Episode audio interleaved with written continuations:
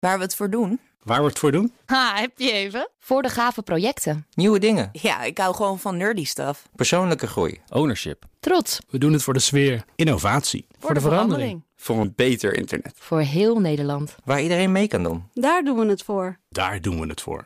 Waar doe jij het voor? Kom werken voor KPN en groei op jouw manier. Check de actuele vacatures op het gebied van data, security, development en networking op jobs.kpn.com/tech. Wetenschap vandaag. De bekende kattenparasiet, waar je vooral als je zwanger bent ver vanuit de buurt moet blijven, die blijkt er in wolven voor te zorgen dat ze sneller de leider van een groep worden. Ja, en dat heeft zowel gevolgen voor de inrichting van ecosystemen als onderzoek naar gedrag. Nou, een verband dat ik niet heel snel zou hebben gelegd. Wetenschapsredacteur Carlijn Meinders. Kun je uitleggen wat ze precies hebben ontdekt? Zeker, zeker. Ze hebben in dit onderzoek gekeken naar Toxoplasma gondii. Veel uh, parasieten zijn gespecialiseerd. Die vind je maar in één type gastheer, in één diersoort. Nou is dat bij Toxoplasma anders.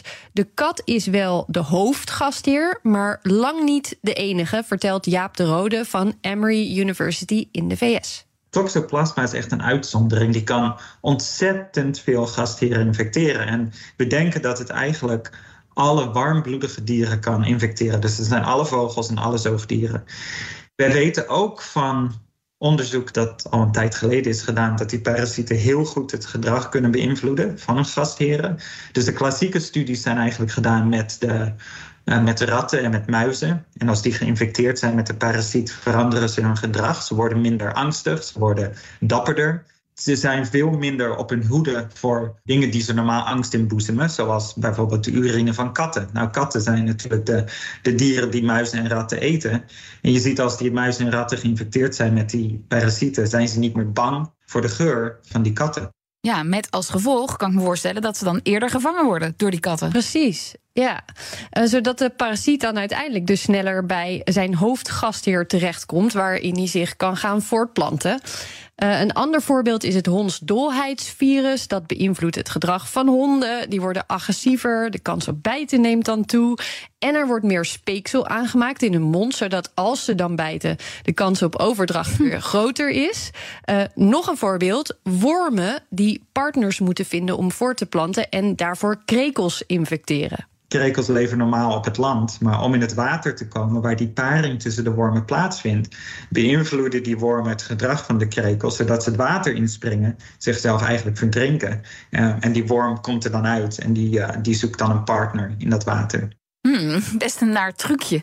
Maar goed, die ja. kattenparasiet, die kennen wij natuurlijk. Uh, nou, die is het bekendst voor ons mensen. Kunnen wij die ook als mensen krijgen? Jazeker, ja. Uh, hij is extra gevaarlijk, dus als je zwanger bent. Uh, daarom wordt ook geadviseerd. Ga dan, uh, als je in de tuin gaat werken, doe dan handschoenen aan en was je handen goed vanwege eventuele kattenuitwerpselen waar die parasiet in kan zitten. Maar wordt gedacht dat in sommige landen wel 70 tot 90 procent van de mensen deze parasiet gewoon bij zich draagt. Echt superveel. En, en kan hij ons gedrag dan ook beïnvloeden?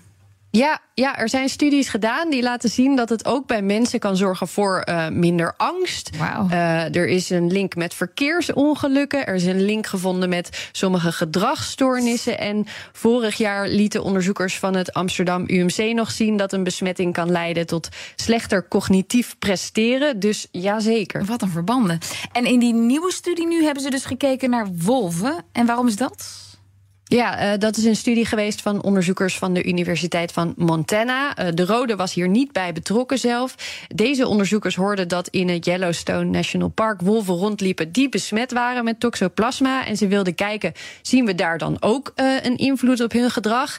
Nou, niet geheel verrassend zagen ze dat inderdaad. Die besmette wolven waren minder bang, hm. gingen zich veel meer verspreiden over grotere gebieden, riskant gedrag dus. En uh, die besmette wolven bleken een grotere kans te hebben om de alfa van hun groep te worden. Ja, en wat, dat is interessant, want daar heeft zo'n parasiet zelf niks aan op zich, toch? Nee, nee, dat klopt. Uh, wat dat betreft is het een beetje een doodlopende weg. Uh, al zitten er ook wel puma's, dus katachtigen, in dat park. Dat is waarschijnlijk ook hoe die wolven besmet raken.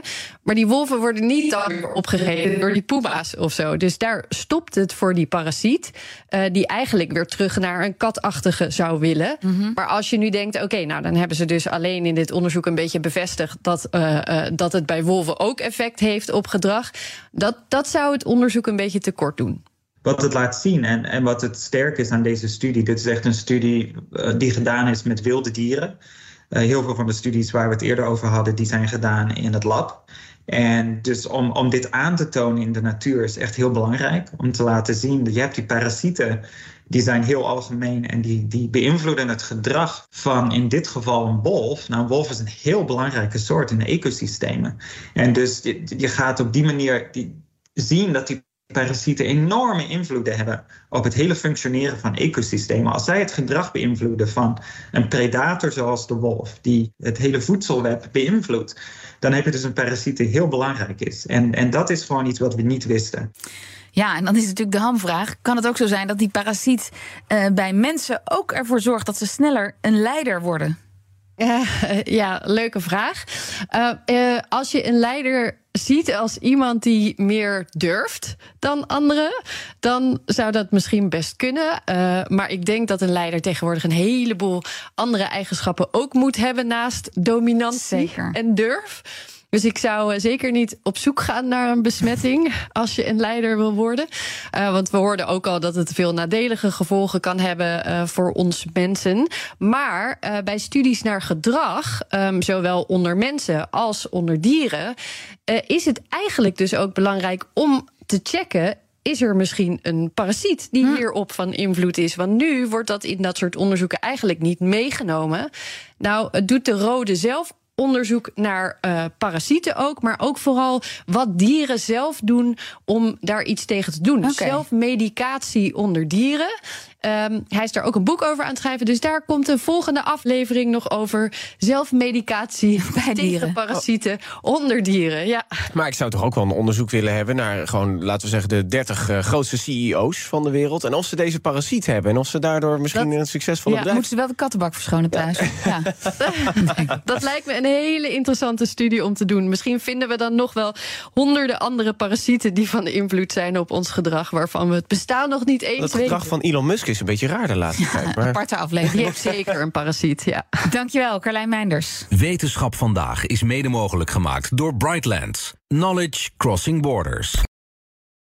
Ook Diana Matroos vind je in de BNR-app. Ja, inderdaad. Je kunt live naar mij luisteren tijdens de Big Five.